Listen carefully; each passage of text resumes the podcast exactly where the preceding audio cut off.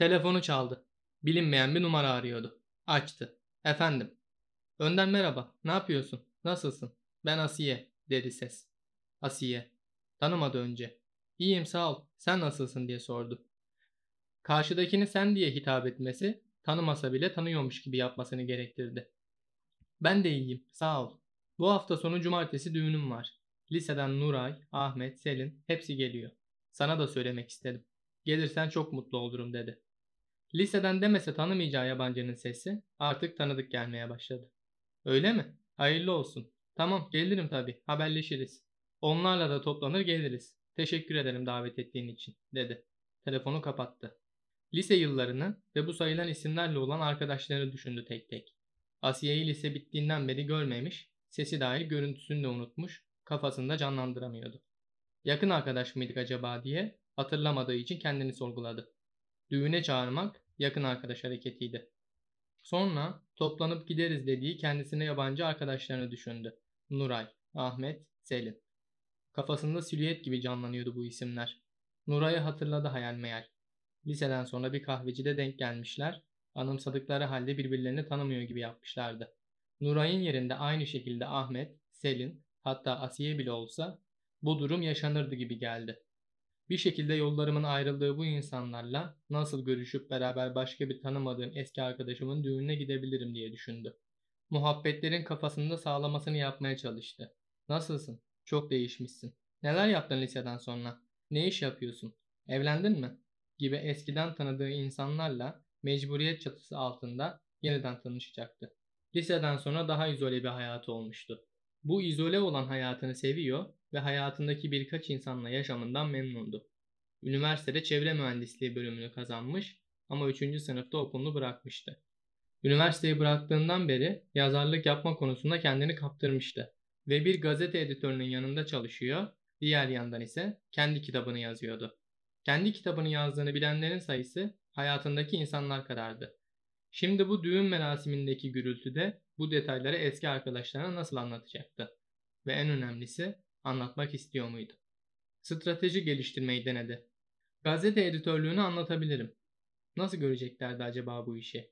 Tanımadığım insanlara ikna olsunlar diye bu işi detaylı anlatmak zorunda kalır mıyım acaba diye düşündü. Telefon rehberini açtı. Sadece Ahmet'in numarası vardı. Diğerleri ya silinmişti ya da hiçbir zaman kaydedilmemişti. Bu cumartesi günkü düğün neresinden bakarsa baksın gergin geçecek gibi görünüyordu. Gitmeli miydi gerçekten? Düğünün nasıl geçebileceğini genel hatlarıyla gözünde canlandırmaya çalıştı. Muhtemelen ayıp olmasın diye gideceği düğünde kafasında belirlediği saat gelsin diye sıkılarak bir masada oturacaktı. Sonra etrafı izleyecekti. Sonra bu tanıdık olmayan düğün merasimini kendi lehine çevirip çeviremeyeceğini düşündü. Etrafı izlerken yaptığı gözlemlerin yazarlığına bir katkısı olabilir miydi?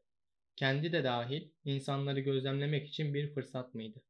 Yabancı olan bu düğünde sadece oturuyor olmak belki de gözlemlemek için bir avantaj olur diye düşündü. Sessizlik belki de onun için bir armağan olabilirdi. Buna kendisini ikna edip düğüne gitmeye karar verdi. Ahmet'i aradı. İki yabancı eski arkadaş sözleştiler. Hep beraber gitmeleri için Ahmet organizasyon yapacaktı. Günlerden perşembeydi ve gün artık bitiyordu. Ertesi gün bu konuyu düşünmemeye karar verip düğün günü için daha fazla plan yapmayacaktı. Yabancı olmanın provasını yaparsa başka bir kılıf bulup o şekilde düğüne gideceği için tüm yabancılığıyla düğüne dahil olmak istedi. Kendisini kılıfsız bir yabancı olarak akışa bıraktı. Kendisine bir günlük tatil vermiş gibi sadece işine odaklandı. Bu kısa telefon görüşmesinden sonraki düşündükleri yazdığı kitaba da yansımıştı. Diyalog yazarken daha detaylı betimleme yapıyor ve olayları daha derinlemesine anlatabiliyordu. Bir gün sonra yaşayacağı, eskiden tanıdığı insanlarla yaşayacağı yabancılık diyaloğunun kısacık fragmanı bile onu derinlemesine etkilemişti. İnsanın kendinden bir şey görerek bir olay karşısında heyecanlanması ne büyük lütuf diye düşündü. Bu beklenmedik anda gelen lütuf, yaptığı işe ilham olduğu için kendisini değerli hissetti. İnsanın kendi kendini değerli hissetmesinden duyduğu haz, içinde bir şeyleri uyandırdı. Yaşıyor gibi hissederek duygusal anlamda kazandığı ödülü fiziksel anlamda da tatmak için halinden memnun bir şekilde mutfağa gitti.